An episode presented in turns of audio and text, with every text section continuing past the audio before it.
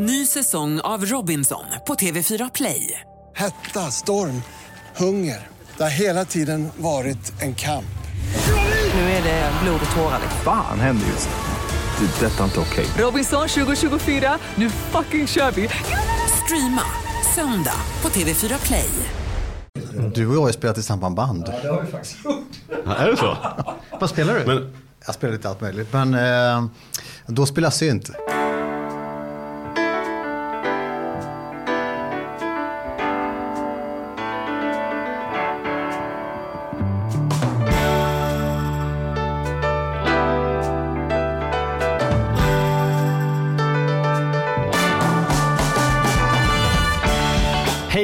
Till På riktigt med Charlie och Mattias. En podd på riktigt om privatekonomi i samarbete med ICA-banken. ICA-banken är en vardagligare bank som tryggt och enkelt hjälper dig med din vardagsekonomi. Hur är, hur är det med läget på Mattias Andersson? jo, men det är ju fina, fi, fina fisken som brukar säga. Ny klocka idag? Jag har inte en ny klocka. Ja, det har jag Jag har kanske. inte sett den där förut. Nej, men Klocksamlingen växer. ah, inte så farligt. Nu var det lite dåligt. Alltså. Jag ska, måste ut på någon auktion snart igen känner jag. Okej, mm, ta det försiktigt så du inte Ja börjar på sms-lån och grejer. Nej, då. nej men det ska Mm. vi undvika. Jag har inte köpt någon klocka på sms-lån hittills. Nej, Det nej. ska vi försöka undvika. Du- du är, jag har ju en sån här ständig fråga nu. Eller så här, vi har ju pratat, vi har gjort lite olika du och jag ju. För att jag har ju nyligen, eller nyligen, nu är det ett tag sedan faktiskt. Men jag har ju ändå köpt en lägenhet ganska nyligen. Och du har valt att hyra en lägenhet Mm. ganska nyligen. Och nu sitter vi där. Jag sitter i en lägenhet som jag har köpt för massor, Mm. massor med pengar. Och du sitter där och inte har köpt någon lägenhet för massor med pengar. Nej. Det har ju varit orimligt bra affär, eh, kortsiktigt tänkt, att, att äga sitt boende nu i eh, ett antal år. Mm. Nu är det ju ganska tydligt att nu har ju trenden vänt. Det tar eh, längre tid att sälja lägenheter i, i storstäderna. Det brukar vara där det börjar tidigast. Det är färre bud och det är färre budgivare. Eh, och eh, det byggs som aldrig förr. Så det finns, ja det, jag har ju tjatat länge om att det kan inte fortsätta. Pris, festen kan inte fortsätta i all evinnerlighet. Men vi får väl se hur mycket, om vi ska, kommer prata om en bubbla om ett år eller om vi bara kommer prata om att marknaden har sansat sig på lite rimliga nivåer. Hittills har det ju varit några gånger genom de sista 20 åren ändå får man ju säga att det har, det har stagnerat ett tag. Men Mm. sen så har det av någon anledning ändå börjat klättra uppåt på trapporna igen. Och sen Mm. har det stopp, stoppat lite. Eh, kanske någon svag nedgång. Men sen har det skjutit fart igen. Så Mm. att någonstans, ja, men precis som du säger. I Köpenhamn var det väl någon bubbla för 10 år sedan. Mm. Ja, det borde ju gå upp och ner. Där, precis där det rasade ner branscher. 30 procent ju. Ja. Eh, Men sen var väl den snart uppe igen på ungefär samma nivå. Men det vart ändå en tydlig markering. Marknaden sa nej. Vi får se, vi får se. Men oavsett vad, när det väl är läge att sälja så är det ju det vi ska prata om idag. Vi ska prata om att sälja själv, sälja med mäklare. Vad är det som funkar, vad är det som inte funkar, hur ska man tänka? Jag har ju lite erfarenheter som har varit mäklare. Du har ju varit inblandad i jag vet inte hur många försäljningar av både villor och lägenheter, både själv och med dina kunder. Och vi har ju bjudit in en gäst dagen till ära som är liksom sutt- sittit på flera, sittit. Suttit. Suttit säger vi idag. På flera stolar i det här sammanhanget. Ska, vi, ska vi rulla igång den här Ja, Björn? men vi rullar igång, kör.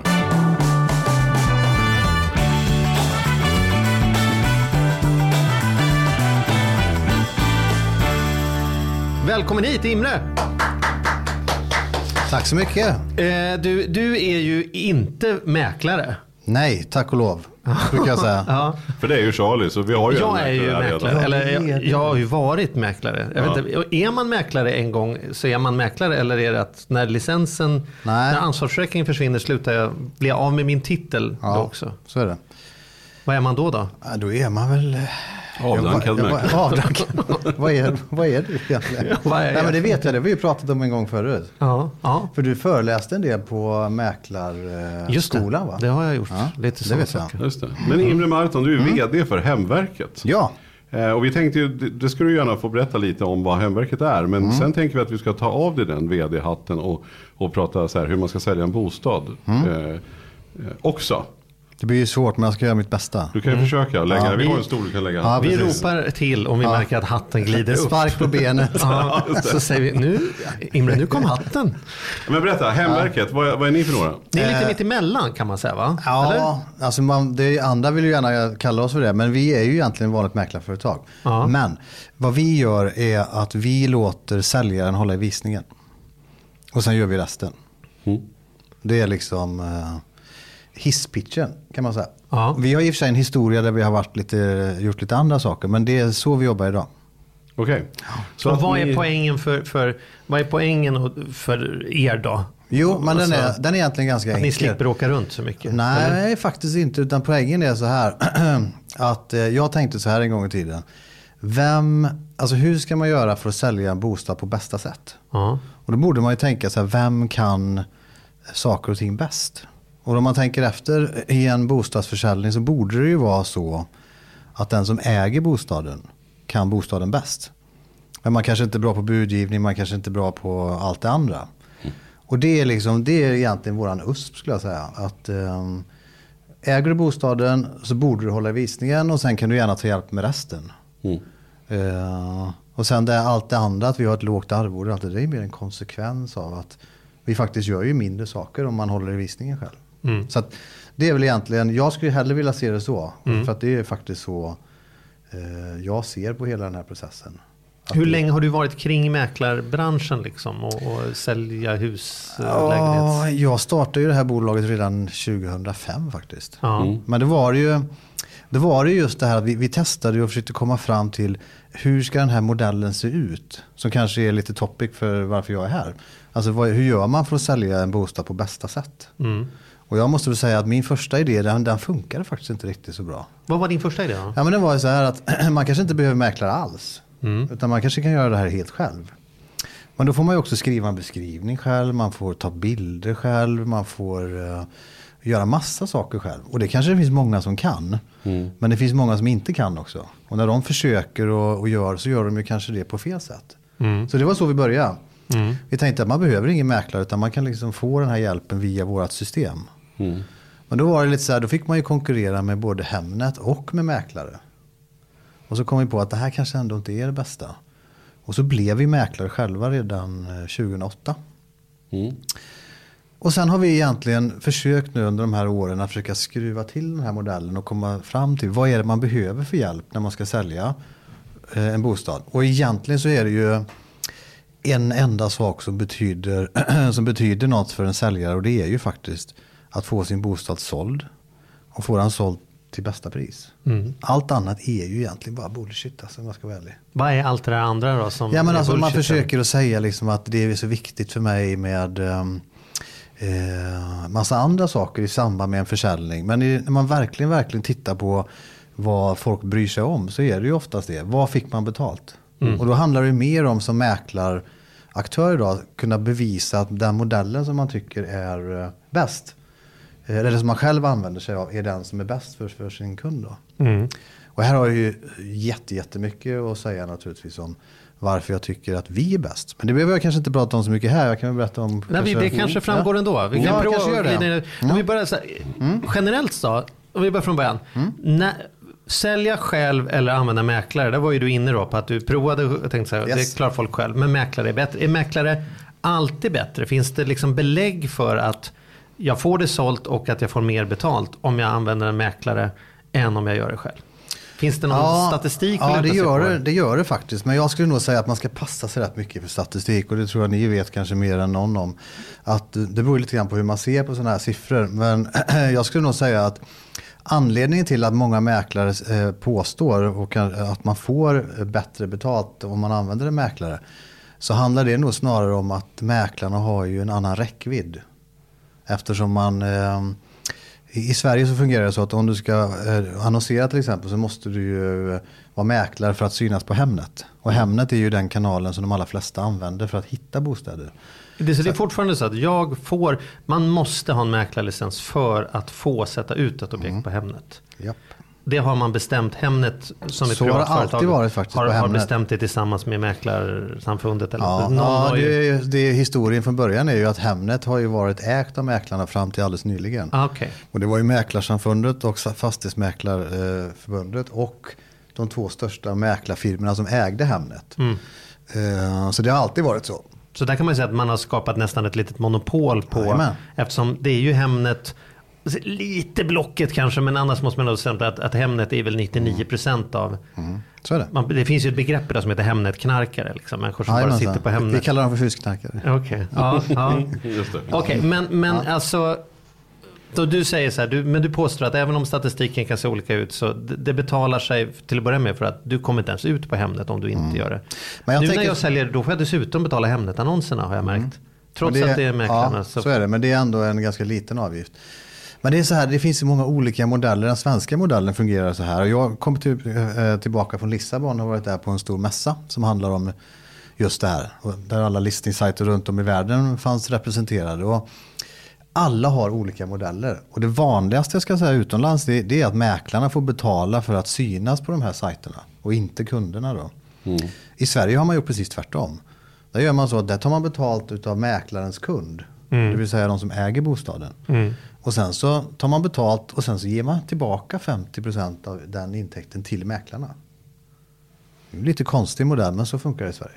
Men för, för vad är det som är nytt då? För tidigare så har det varit så att då har ju givetvis Hemnet-annonsen ingått. Men när jag skulle eh, köpa, jag har precis nyligen köpt och sålt. Jag har sålt en villa och en övernattare och bytt till att jag har köpt en lägenhet. Eh, men, men då var det plötsligt så att på, i, i Nyköping där jag sålde, där sa han att ja, men vi, då står vi för Hemnet-avgiften. Medan när jag var i Stockholm så sa, var en annan mäklare som sa då att ja men så tillkommer ju Hemnet-avgiften. Och då fick jag en särskild faktura på. Vad, vad, är det här något nytt? Menar du vad som är nytt? Ja, men att man tar betalt för, alltså, Ja, nej, men för det jag är- upplever att det alltid har ingått tidigare. Ja, men det är nytt. Det är bara, nu vet jag inte exakt när man införde det, men det är några år sedan. Det sticker ju lite i ögonen om jag betalar 100 000 att jag ska dessutom betala Mm. för någon jädra annons. Jag trodde liksom att det ingick i det jag köpte för de där pengarna. Mm. Kan man liksom. tycka. Men jag tror att det är så här att ehm, det finns 7000 mäklare i Sverige. Och eh, det är ju egentligen alldeles, alldeles för många. Så att alla mäklare försöker ju hitta olika sätt för att kunna liksom eh, eh, tjäna pengar på lite andra saker. Och det här kanske är en av de sakerna som ändå blir en, ett lite extra tillskott då på något sätt. Men de här stora annonserna som, som mäklarna ägnar sig åt. De sätter ut vitt och brett så talar de om för kunden att titta så bra vi annonserar dessutom här, vi annonserar här. Är inte det egentligen, egentligen en annons, i- är inte ja. det egentligen en annons för deras egen mäklarbyrå och använder mitt hus som en marknadspelare? Skulle du Eller? kunna jobba hos mig? Du vet ju redan precis hur allting fungerar. Nej, men, jag, bara, vad? Ja, men nej, men jag märkte det själv. Jag Ja, ja, det det är här klart som att ett, det är ett så. argument. Jag kände så här, det var Ja, ja. inte där de vill inte på. Ja, men det är på- klart att det är så. Ja. Det är klart att, eh, det är klart att det är så. Jag håller med dig 100%. All annonsering skulle jag säga i de här bostadsbilagorna är ju mer ett sätt för en mäklarfirma att tala om hur duktig man är efter man har så många uppdrag. Då sitter de här så kallade husknarkarna och läser då den här söndagsbilagan och så hittar de massa annonser. Men eh, det är ju inte där kunderna kommer ifrån. Däremot kan det vara så här att det finns ibland kunder som inte aktivt letar. Och de kan man hitta i den här, de här kanalerna. Det kan vara någon som sitter och läser en eh, tidningen ute på landet. Och så hittar de någonting och säger, titta här Kerstin. Här ska ju liksom grannen sälja sitt hus. Det visste vi ingen, alltså de letar inte aktivt. Ja, just det, de är inte och det är ju den där kåken som vi tänkte, som vi alltid velat köpa. Ja. Men låt oss vara raka här. Om du hade sålt din bostad du har idag. Ja. Hade du propsat på att det skulle gå ut annonser i tidningen dessutom? Eller hade du tänkt det där kommer Jag hade ju gått till? Hemverket. nej, nej, förlåt, förlåt, förlåt. Nej, eh, nej, det hade jag inte gjort. Men du hade heller inte sålt den själv? Du hade ändå anlitat Nej. en mäklare? hade jag faktiskt inte. Jag hade, jag, jag hade anlitat en, en, eh, en mäklare faktiskt. Det gör ju jag. Trots att jag har varit mäklare. Då, så. Ja, och jag gjorde ju också det. för Ja. att Vad jag- gjorde, anlitade du en mäklare? Jag anlitar den. Ja, jag håller på att sälja just nu. Men varför ringde du inte mig då? Ja, men jag tänkte jag behöver någon som är duktig också. Jag kan inte ta vad skit som helst. Nej, jag skojar, jag skojar Imre. Nej, jag vet faktiskt Nej, inte. bara- Därför att jag, tänkte- jag tänkte Det var en bra fråga, tycker jag. Min, Ja, det var jo, en men i det här fallet var väldigt enkelt. För att det är en gård i Skåne där jag inte är så mycket. Ah. Så att jag är inte Nu kom så, du undan Och faktiskt. jag kan inte vara där och visa. Plus också, det har jag också varit orolig för. Ehm, Mattias och jag har lite samma uppfattning. Det är både när vi säljer bil och annonser på Blocket. Och det är inte så jädra lätt att vara den här ekonomipersonligheten känd från tv och sen göra affärer med folk. Därför att antingen så har de alldeles för stort förtroende för en och, och, och helt plötsligt blir det inte en rättvis affär. Eller så utgår de för att mm. jag som är så himla duktig, jag kommer säkert försöka få ut överpris ja. här och därför så... Vet du vad, du kom faktiskt undan nu. Ja. Jag, jag, jag godtar din ursäkt. Nej men eh, jag, jag förstår det verkligen. Och jag brukar säga så här alla, eh, alla tjänster är ju, alltså de passar ju inte alla människor. Man ska vara väldigt noga med att, att man, eh, om man går till Ikea till exempel, då vet man att man får ju köra hem det här paketet i en platt låda liksom. Och sen får man sätta ihop det. Mm. Och sen är det 10 000 andra som har samma sak. Men kan man acceptera det, då, är man ju, då har man gjort ett rätt val tycker jag. Mm. Eh, och det är ju lite samma sak med våran affärsidé som vi tycker då att men då kan man göra en del själv så är det här väldigt, väldigt bra. Men alltså, slutsatsen, och inte prata så mycket om oss då, det är att jag tror att en mäklare är ändå... Eh, alltså det är vår slutsats att, att det är en stor affär. Mm. Även om den är ganska enkel om man tittar rent juridiskt, för det är faktiskt inte speciellt svårt. Men det upplevs som en stor affär. För mm. att jag kanske gör det här en gång var tionde år eller, eller äh, alltså, även om man gör det ganska ofta så är det en stor affär. Och då känner man att det finns en viss trygghet i att en mäklare ändå vet hur man gör. Mm. För att alla de här papperna som ändå ska fram i form av kontrakt, avtal, vad ska finnas med i ett kontrakt, hur ser tillträdet hur gör man med handpenning, energideklarationer, energideklaration. Allt det här är ju någonting som en mäklare kan naturligtvis. Mm. Men det är inte speciellt svårt. Nej, men, men så tänker jag också det här är... om det händer någonting och det är dolda felförsäkringar och det, det blir någonting och färgen. Ja. ja. men så här, det är man ju generellt sett tror jag rädd för att det ska mm. bli någonting efteråt. Att det är mm. någonting och dess, på ett sätt skulle jag ju tycka då, vi behöver verkligen inte gå in på just din affärsidé mer, mm. men just det här med att varför jag också tycker det är skönt att inte sälja själv är just att jag, det blir känslomässigt väldigt mm. laddat. För att jag känner ju, likväl som jag absolut mm. kan mitt hus kanske bäst av mm. någon, så blir det också känsloladdat i att att någon kritiserar det här att det mm. borde vara gjort på ett annat sätt. Eller också att jag kanske också blir lite färgad. Mm. Och säger, ja men det här är inga problem för att jag har inte upplevt att det är några problem. Men sen är du ju också Mattias, du är ju en väldigt privat person. Så att blotta tanken på att det skulle stövla in hundra människor och titta hemma hos dig. Är ju en ganska obehaglig tanke redan från början. Som du nog gärna vill vara rätt. någon annanstans och tänka rätt. bort. Mm. Och, det, och du har också rätt. Men det, för jag tänker att det är lite det jag menar. att Det finns vissa människor som tycker det här är fantastiskt. För de, de, de tycker att det är så bra. För då kan jag själv liksom få vara där och verkligen tala om alla de här sakerna. Men det finns lika många som tänker att nej, nej, det där vill jag inte vara med om. Jag vill inte att någon ska säga att min tapet är ful. Mm. För då kommer jag slänga ut dem. Mm. Och då kanske man inte är rätt person. Men det är ju samma sak med bilar. Ja, alltså, det människor ja, säljer ju bilen själv utan problem. Mm. Men det här är min spaning då. då. Ja. Hur viktig är jag misstänker att visningen inte är så jädra viktig. Nu säg emot mig här om jag har fel. Men om det står någon där med, med en skön backslick och ett jävla munläder som står där och berättar så här. Åh, som det är jag så... ungefär med det. Eller jag. som står där och är så, så här. Åh, det är så jädra fint här. Du vet. Så här, Åh, det är söderläge på... Alltså, så här. Jag jag har en bild av att jag tror fan inte det är det som säljer det där huset. Huset säljer huset och sen ska man kunna svara på frågorna. Men om jag tar in, ska vara helt ärlig, om, om jag hade Fredrik Eklund stå där på, på, på visningarna. Mm. Eh, eller jag hade Petter Persson, var producent, stå där på Petter. Persson. Ja. Alla dagar i veckan. Ja, alltså jag tror inte att det är någon jävla skillnad i vad nej. vi får för slutpris på alltså själva visningsgrejen. Nej, nej, är jag fel ute då? Tror nej, det? Jag, jag håller med dig. En mäklare Men... som är för, entusi- eller är för på kan snarare tycker jag skälpa en affär. Att liksom ja. så här, stå där och jaga namnunderskrift. Du var lite tvärtom Mattias. Var så här, är de trevliga kanske är jag beredd att ge min kontaktuppgift. Ja, men om, om, jag får ett förtroende när jag går på en visning och, och jag får en mäklare som känns väldigt påläst och som berättar bra saker Eh, som uppmärksammar en på grejer som, ju, som jag upplever är viktiga, vad det nu kan mm. vara. Och inte står och eh, ja, men, skrävlar eller liksom låter för mycket mm. och säger att allt är bara bra. Då tror jag att det kan ha en effekt att jag blir mer sugen. Man känner att ja, men här verkar ha koll på läget, han verkar mm. ärlig, han verkar uppriktig. Honom kommer jag kunna ringa till efteråt om det är någonting. Eller så, här. så jag tror mm. att det kan påverka till det positiva också. Jag tror att det kan vara både och det. Jag tror att det kan vara fördel om en mäklare är duktig och jag tror att det kan vara nackdel om en mäklare inte är det. Jo men vet du vad, du har, jag tycker du har helt rätt. Men då kan man ju tänka så här att i och för sig en säljare eller en, en, någon som äger sin bostad. Om du bara får dem till att göra det de ska och inte vara den här personen som du beskriver då. Mm. Eh, det är då det blir bra. Men vi, vi försöker ju alltid utbilda våra säljare och säga just det här. Det enda du ska göra det är öppna dörren. Mm. Och visa runt dem. Och de här grejerna ska du inte hålla på med. Eh, så kommer... säljer man själv då ska man hålla tyst och låta folk gå runt ja, själva faktiskt, och inte det ska man göra. Och så ska man svara på frågor som man tycker, eller man ska tillföra de saker som man tror kan vara viktigt. Men då är det inte att sälja in eh, på det där sättet. Utan Ja. då är det mer att tala om var man hittar svampen i skogen. Eller eh, den här väggen hade jag satt upp för att jag, det var ett rum tidigare och den kan man ta bort. Eller så här upplever vi att det funkar med dagis i området. Så de här de sakerna. Hade vi bott kvar i fem år till så hade vårt nästa projekt varit att. Exakt, till exempel. Ja.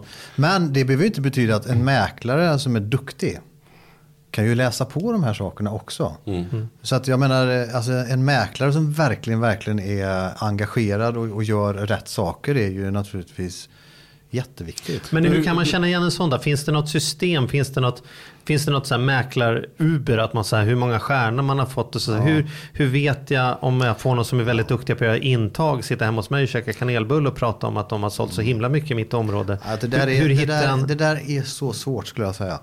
För att det finns egentligen inget transparent system. För ni vet ju hur det fungerar i den här världen med alla sådana här ratingsajter och allting. Alltså mycket av den där trafiken den kan man ju nästan köpa sig till. Det beror på hur och när man frågar kunderna. Alla mäklarfirmor har någon liten undersökning där de säger vi är bäst i test och vi har mest nöjda kunder. Och det blir väldigt, väldigt svårt. Det som brukar fungera, som de allra flesta använder trots allt, det är ju liksom execution. Alltså de som verkligen levererar eh, och gör ett bra jobb. Det kommer man märka genom att folk pratar om det. Mm. Men det är ju sån jädra skillnad också tänker jag på det här med mäklare och, och inte. Därför att jag har ju som sagt, jag sålde samtidigt en villa i Nyköping samtidigt som jag sålde en övernattare i Stockholm. Och det var ju totalt skillnad alltså på hur både mäklarna var och hur snabbt det gick och det trycket som var. Huset lades ju ut och det tog ju lång tid och många visningar. Det var ju liksom en enorm skillnad mot det andra var ju gjort på tre dagar liksom. Ja, nej men precis. Och då är det ju... sa det bara och det bara rassla in bud så. Men då tänker du att vad du egentligen säger här är att den i Stockholm den hade, den hade en apa kunnat sälja. Ja. Det, det, det, Det där kom Viggo och gav den som, då. Ja, precis. Ja, Nej, ja. men vi hade en jättebra mäklare och just det här, jag säga, vi hade en toppenmäklare måste jag faktiskt säga i Stockholm som, som ju säkert gör, vet vilken nivå, men däremot hade vi en diskussion där hur mycket vi skulle gå ut med. För att jag kände att jag vill inte gå ut med några lockpriser eller gå ut för lågt eller sådär för att det ska locka dit. Eftersom Får man ju inte jag, jag vill kunna sitta, nej, Nej. jag vill kunna sitta mitt emot den här personen sen när man skriver på. Eh, och känna att jag inte hade gjort det. Men samtidigt så det är väl mycket, de, så här, jag ska inte förringa för det jobbet, men det var ju gjort sådär snabbt liksom. Ändå. Men min gård i Skåne är ju ett jädra jobb. Det gäller att åka dit och visa och det är nya familjer och man tar en familj i taget. Man håller inte på med massa öppna visningar. Och Nej, och det, det Så ska det- tittas och sen ska de komma Ja. igen och sen ska det Ja. vara snyggt och det ska städas och det ska fixas. Ja. Det är ju ett helt annat projekt där. Eh, finns det någon, märker ni någon skillnad? Eller så här, skulle du säga att det är någon skillnad när du verkligen behöver ha en mäklare eller inte? Är det snarare på gården man behöver ha en? Eller Ja, det skulle jag nog faktiskt säga faktiskt. För att, eh, Även om det är mindre pengar i affären. Så är det ändå Ja, nej, men alltså, du, var ju, du var inne lite grann på det nu när det här med att en apa, det är ju, det är ju Vi- Viggo Kavling som har sagt det. Ja, jag intervjuade det- honom en gång så, så sa Ja, han det. Alltså, Jag sålde min egen bostad på, på några timmar. Det Ja, hade en precis. apa kunnat göra.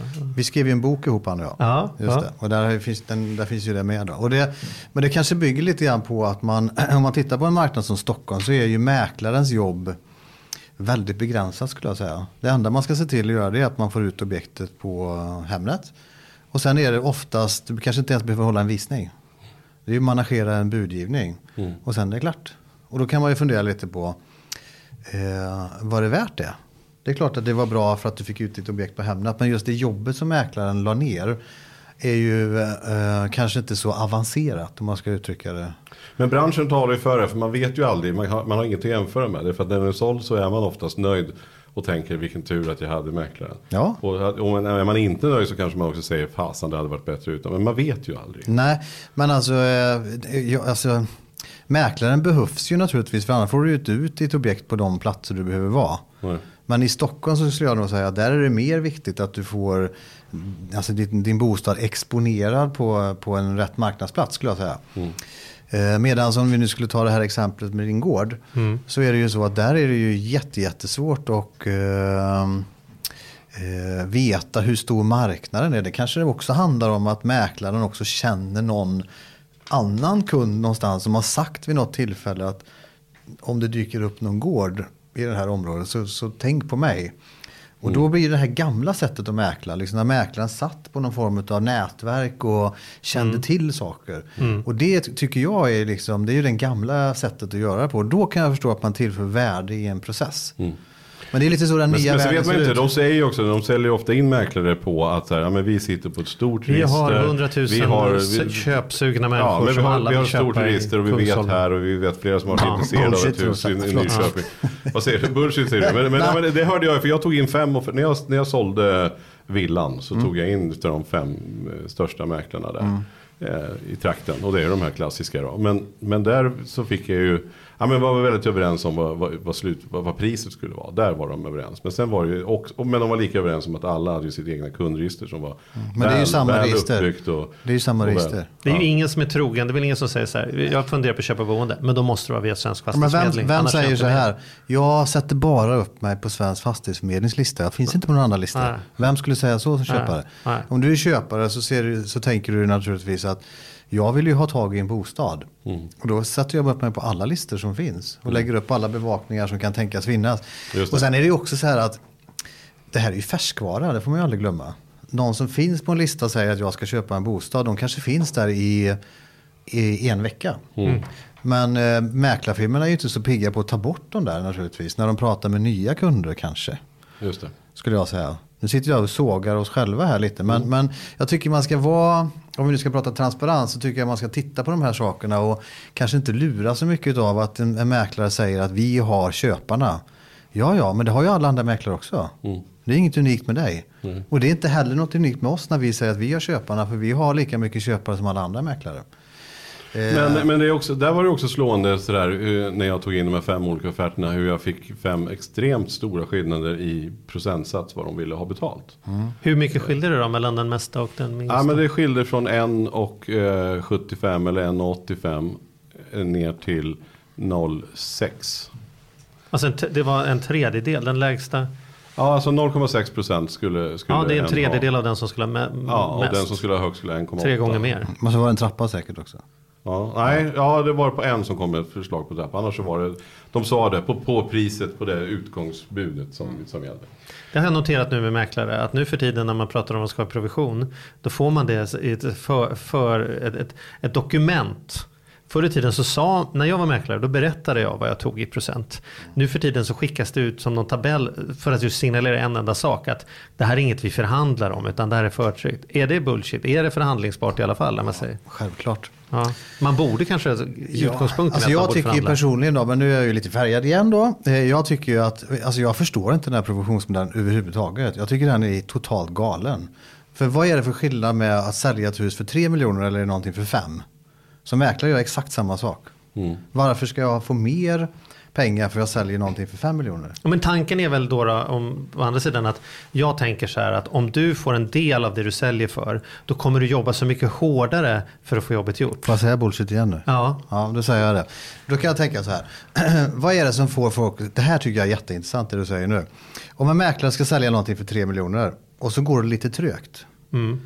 Vad tror du den mäklaren gör då?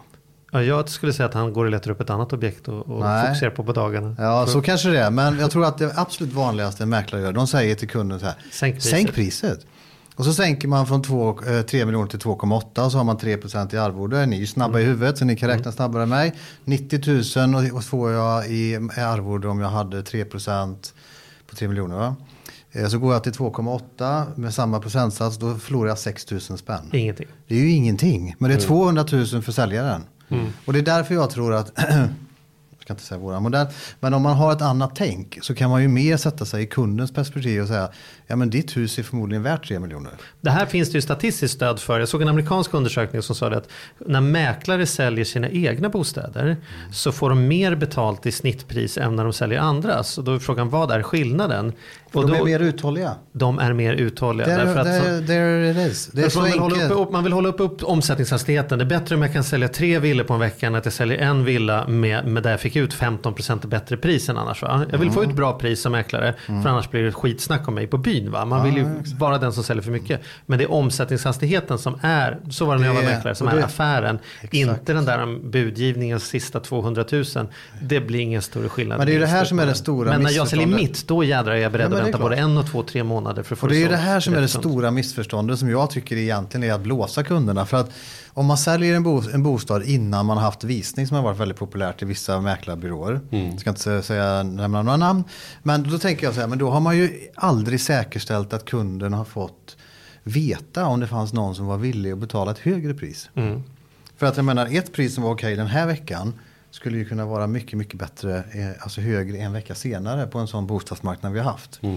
Men det här beror på att mäklarna, många, eh, de vill bara säkerställa sitt arvode. Och det är därför som det är precis som du säger.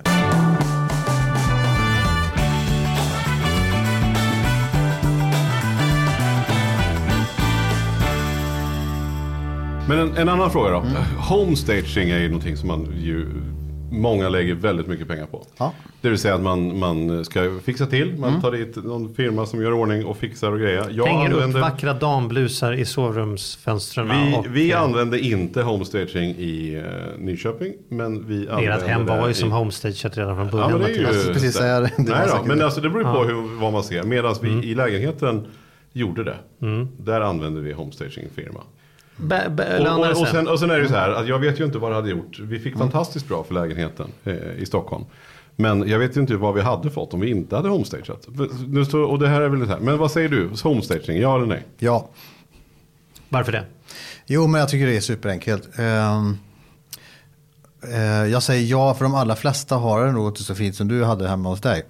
Och jag tror att det här är liksom fundamentala saker som alla människor, man köper väl hellre någonting som är snyggt än något som är fult. Som vi brukar säga eh, i Västergötland.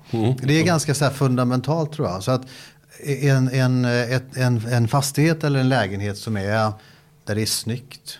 Eh, det är snygga möbler, man liksom känner, alltså man får ju en annan feeling. Det är inget konstigt. Det är väl klart att om man kliver in där och jämför med att det hade varit motsatsen. För mig är den ganska enkel. Sen kan man alltid fundera på i relation till hur mycket man ska investera och var går gränsen för Alltså när man tittar på ett objekt så kan ju en del vara jätte, jättefina och då behöver man inte det. Men eh, så det är väl snarare det som är det svåra att, att, bedöma. Har jag bra smak eller har jag inte? Eh, Just det. Och hur ska man göra det då? Ska man ringa runt till folk och fråga, tycker ni att vi behöver homestagea? Ringer man till hemverket? Nej, förlåt. Jag. Nej, Men, men, det här är ju det här man kallar för, jag brukar kalla det här för den tjocka tröjan. Den tjocka tröjan, det är den här eh, liksom flätstickade grå ylletröjan med så dubbel polokrage. Som man köper för man tänker, om jag hade en sån tröja, då skulle jag bli en sån här människa som går långpromenader på stranden på hösten med en golden retriever som springer i, i. Grejen är bara, man använder aldrig den där tröjan för den är alldeles för varm och man är, man är ingen sån människa. Och boende är väl lite samma sak, man kommer in och tänker så här, om jag bodde här, då skulle jag nog läsa det i Weekend på, på morgnarna och vi skulle sitta på den här lilla balkongen och, och ha någon så här psh, det bra eller dåligt menar du? Nej men jag menar att det absolut lönar sig med om- omställningspriset. Därför frågan är inte, är väggen bärande? Är det 48 kvadrat? Frågan är att köpa in på. Tror jag att jag gillar den jag skulle bli om jag bodde här? Och då är det nog en sån här, ja det är en Odd Molly-kofta som hänger framme istället för en skinnjacka. Och då tänker jag så här, "Åh, jag har alltid önskat att jag vore en sån där Odd Molly-människa. Och så tänker man, om jag bara bodde här då skulle jag bli en sån människa. Det är ju lite äckligt men jag skulle tro, jag tror att det är så det jag tror också att det är jag tror du är inne på, på någonting där också. Men och sen tror jag också det kan vara så här att alla sådana här ytterligheter är ju svåra. För om man, är liksom, om man gillar läder och lack, liksom, det är inte Mm. så många som gör det kanske. Eh, Då kanske man inte ska ha den typen av homestyling. Utan det gäller liksom att försöka... Vet du att jag har haft det? Sa du? Har du haft det? Jag skulle sälja ett objekt en gång, ska inte ge några detaljer. Men, men, eh, men ja, jag kommer till Vilja och han säger så här, och goda nyheter, vi har eh, också tilläggsisolerat källaren. Så kommer jag ner i källaren. Då använder han den som eh, inspelningsstudio för diverse exotiska filmer. Så det är så här, hänger piskor och stora, han hade lyckats få någon sån här Anne Nicole Smith-plansch från hm kampanjen som han hade gjort en fondvägg av. Och jag vet, jag bara ser så här, jag säger så här, det här måste vi tömma innan vi har visning. Han bara, vad menar du? Det är väl jättefint. Bara, Ja men du vet, jag kan inte ha öppen visning på söndag, 18-årsgräns, det blir jävligt märkligt. så att, eh, Ja, men det var där, det behövdes det homestyling. jag förstår, jag Ja, förstår. Ja. Nej men jag tror att det är nog så. Jag fick inte det objektet. Så homestaging säger vi, det är vi överens om att det kan absolut löna sig. kan vara bra. Ja, och sen finns det ju homestaging och homestyling som de brukar. Homestaging är ju eh, eh, när man egentligen slänger ut allt. Mm. Och så stoppar man in allt nytt. Eh, Medan homestyling är att man använder sig av det som finns och gör det lite bättre. Mm. Eh, Så att Lite man, färska blommor och kryddor. Och... ja, men någon form av homestyling tycker jag definitivt man ska göra. Mm. För att bilder kan man ju liksom få snygga med vad som helst. Men när människor väl kommer dit så är det nog den där, den där första. Det är ju som människor tror jag. Mm. Man får ett intryck, antingen gillar man det eller också gör man inte det.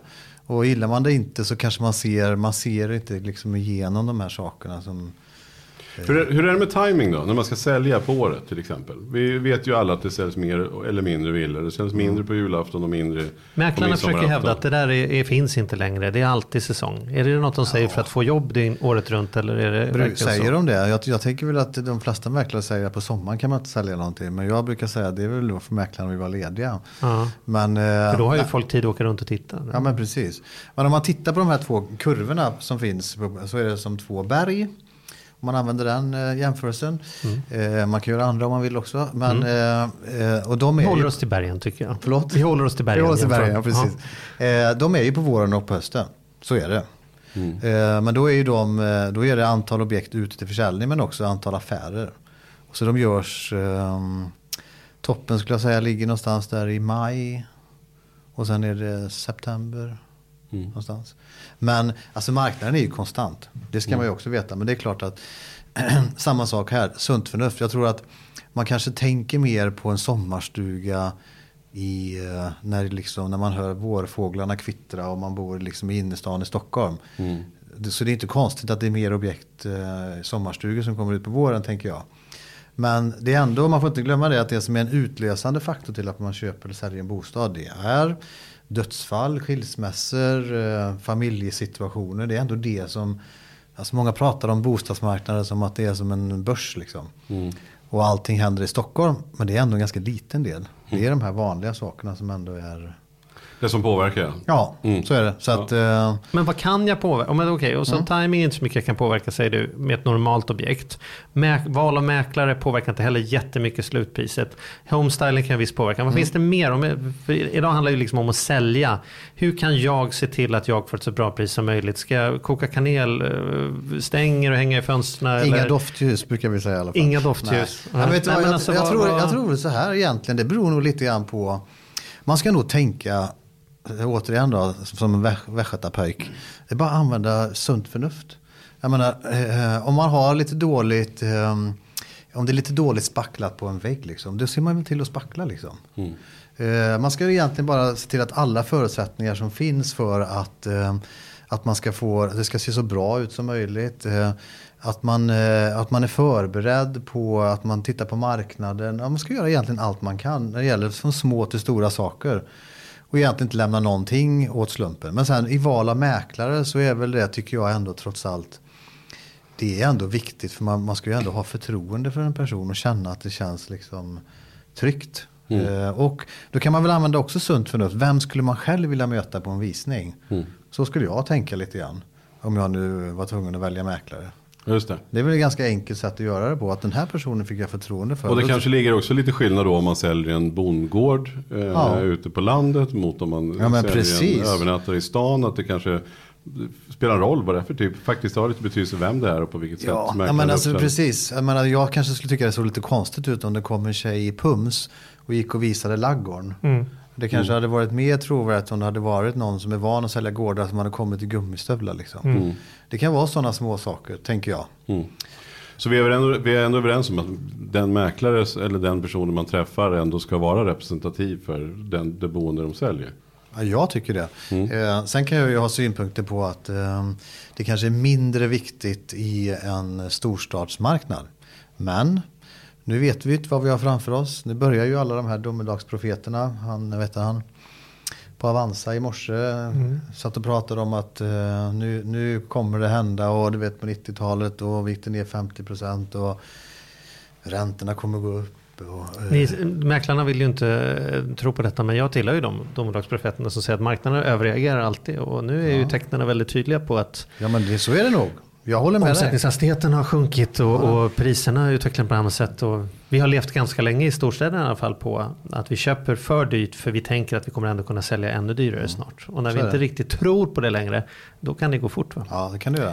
Nu tror inte jag att det kommer springa zombies på Men stan. om, i om alla vi pratar framtiden, där, där kan vi dividera mycket om. Vi har ju pratat om det Ja, tidigare helt poddavsnitt också. Mm. Men om vi pratar framtid då. Man har ju lite olika system. Du berättade att det var ett system nu när du var nere på mässan där nere i Lissabon. Mm. Men om man då tar vi, för att återkoppla till Fredrik Eklund då. Stjärn, våran, allas våran stjärnmäklare som Mm. vi, vi alla är stolta över att det går bra. Eh, duktig kille.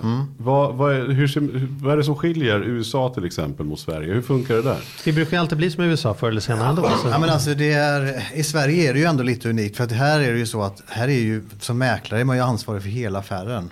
Men så är det ju inte utomlands.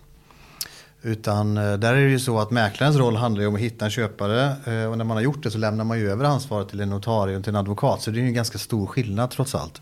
Där är mäklaren en ren säljperson. Ja, egentligen skulle jag säga. Eh, Så det är väl Men hur stora- funkar det där då? För där är det väl också, det är ett annat typ av upplägg där. där, där hur jobbar man som mäklare om du hade... Ja, man jobbar väl på många sätt på lika sätt. Men man kan ju också ha omvända uppdrag. Man kan ju ha uppdrag för köpare. Eh, Och det, så jobbar man ju inte i Sverige. Eftersom i, i Sverige har vi ju liksom, alla går ju till Hemnet. Så att man, den typen av... eh, Hur skulle det se ut då? då? Berätta. Hur, Ja men då skulle man ju till exempel kunna få eh, mer låta en mäklare jaga upp det objektet som man är intresserad av. Och man lägger ingen tid på det själv. Och, så och fungerar det förhandla på- färdigt affären. Ja men precis. Och Charlie ringer till, till en mäklare i USA och säger att jag vill ha en, en schysst vindsvåning i... Jag kommer om i- tre i- veckor. i Då vill jag att du visar mig fyra objekt som, dör, som passar mig och min familj. Och, och fixar på ett bra pris på den jag gillar bäst. Skulle du göra samma sak i Sverige så skulle ju mäklaren förmodligen säga så här. Han, jag är inte säker att de skulle svara ens. Eh, för det första. Och sen så skulle han nog säga att ja men du får vi kolla på Hemnet som alla andra. Men eh, det här du pratade med om, om Eklund då. Det, jag tror däremot att man kanske kommer se en mer segmenterad marknad. Jag tror att det kommer bli svårt för mäklare som egentligen inte tillför något speciellt. Som är det här mittensegmentet. Vem för, alltså, deras berättigande på en marknad i framtiden kanske kommer bli mycket, mycket tuffare. Så jag tror att de här mäklarna som jobbar med hög servicenivå, som levererar någonting mer. Man kanske har eh, champagne på sina visningar. Och jag tycker liksom, han har ju varit smart tycker jag. Och liksom lagt sig i det hörnet och sagt att jag står för någonting väldigt, väldigt speciellt. Här är det liksom eh, lyx. Det är någonting utöver det Ja, vanliga. precis. Jag, jag, jag, precis. Och, och verkligen leverera kanske på det. Så jag tycker han är skitsmart. Men eh, sen tycker jag att vi då, om man nu får säga, vi vill inte säga vi, men de, de här andra som finns på andra kanten som säger att men det finns också en jättemarknad för Ikea. Där du säljer en hög kvalitativ produkt till ett lågt pris. För det är ju det som, som jag tror att vi, vi står för då. Och jag tror att det finns ett jättestort utrymme för det. Men de här mitt emellan som vi redan har pratat om som bara gör samma som alla andra. Så du tror Bukowskis kommer gå bra och Ikea kommer gå bra. Men Mio Möbler kommer få lite problem om Ja, jag kommer tror gå. det. Jag tror att det är någonting man ser i alla sådana här paradigmskiften när det händer Ja. någonting. Att någonstans måste man ju välja. Och så tror jag att människor är smarta. Man kommer ju välja det som, som man tycker fungerar bäst och som verkligen ger dig någon form av värde.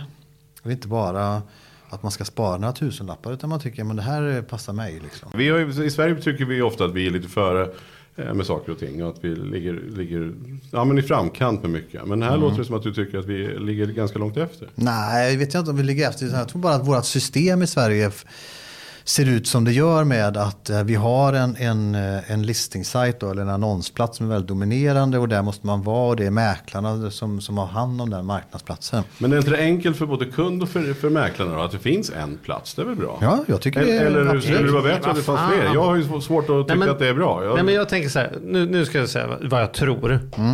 Säg att imorgon så kommer Facebook med så här, Facebook Home. Att de bara, de bara lägger till en jävla, de lägger till en jävla knapp. Där, där, där husen läggs ut. Och så, lägg, så, så, så bara rakar de av alla Hemnet-objekt. Och sen så kan privatpersoner lägga in också. Och så kostar det 149 kronor. Då ska jag säga, då har mäklarbranschen en, en, i Sverige en enorm kris. Inom sex månader så kommer verkligen frågan vara, varför ska jag använda en mäklare istället för att bara gå till någon som skriver under de här Det, sakerna? var ju det, det där var ju min hypotes för tio år sedan. Det var Ja. så här, vad ska jag ha en mäklare till? Ja. Det är väl bättre att alla kommer till oss Och så kan ni hitta varandra här. Men och du kanske, bara var tio år, för du kanske var 2000. tio år för tidigt bara? Ja, kanske. Men, eh, Kolla på VHS-uthyrning. Jag gick och köpte en moviebox och, och, Mm. och liksom grejer så här. Idag, finns, de är ju borta allihopa. Bankkontoren slår igen i varenda köpcentrum. Mm. Folk löser det där på nätet. Man gick ju Sveavägen fram med resebyråer på rakt. Idag går bara in Men du glömmer en flygresa.se. sak. Färdigt. Du glömmer en sak. Mm. Jag, tycker ju, jag tycker ju som du. Det här har ju varit fantastiskt om det blev så. På ett sätt. Eh, men det finns en grej du aldrig kan ersätta. Och det är den där lilla trygghetsfaktorn.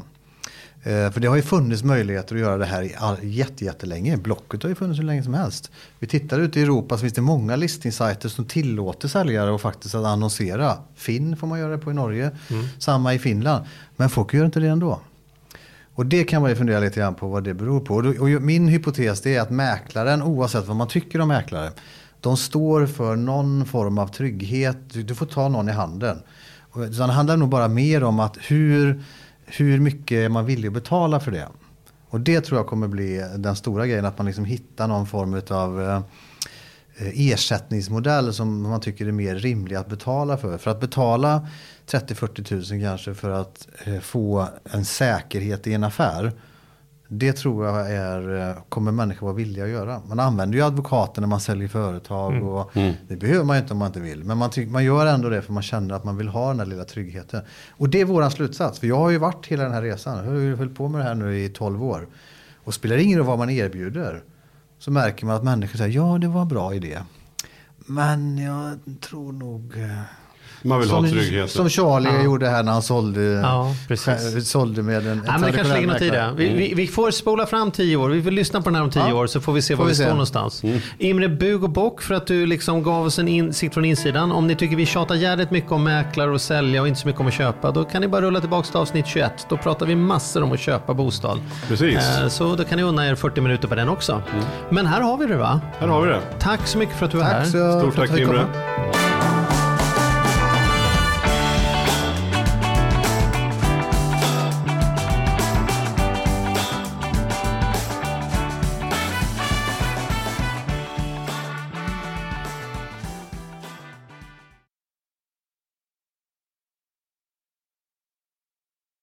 Ny säsong av Robinson på TV4 Play.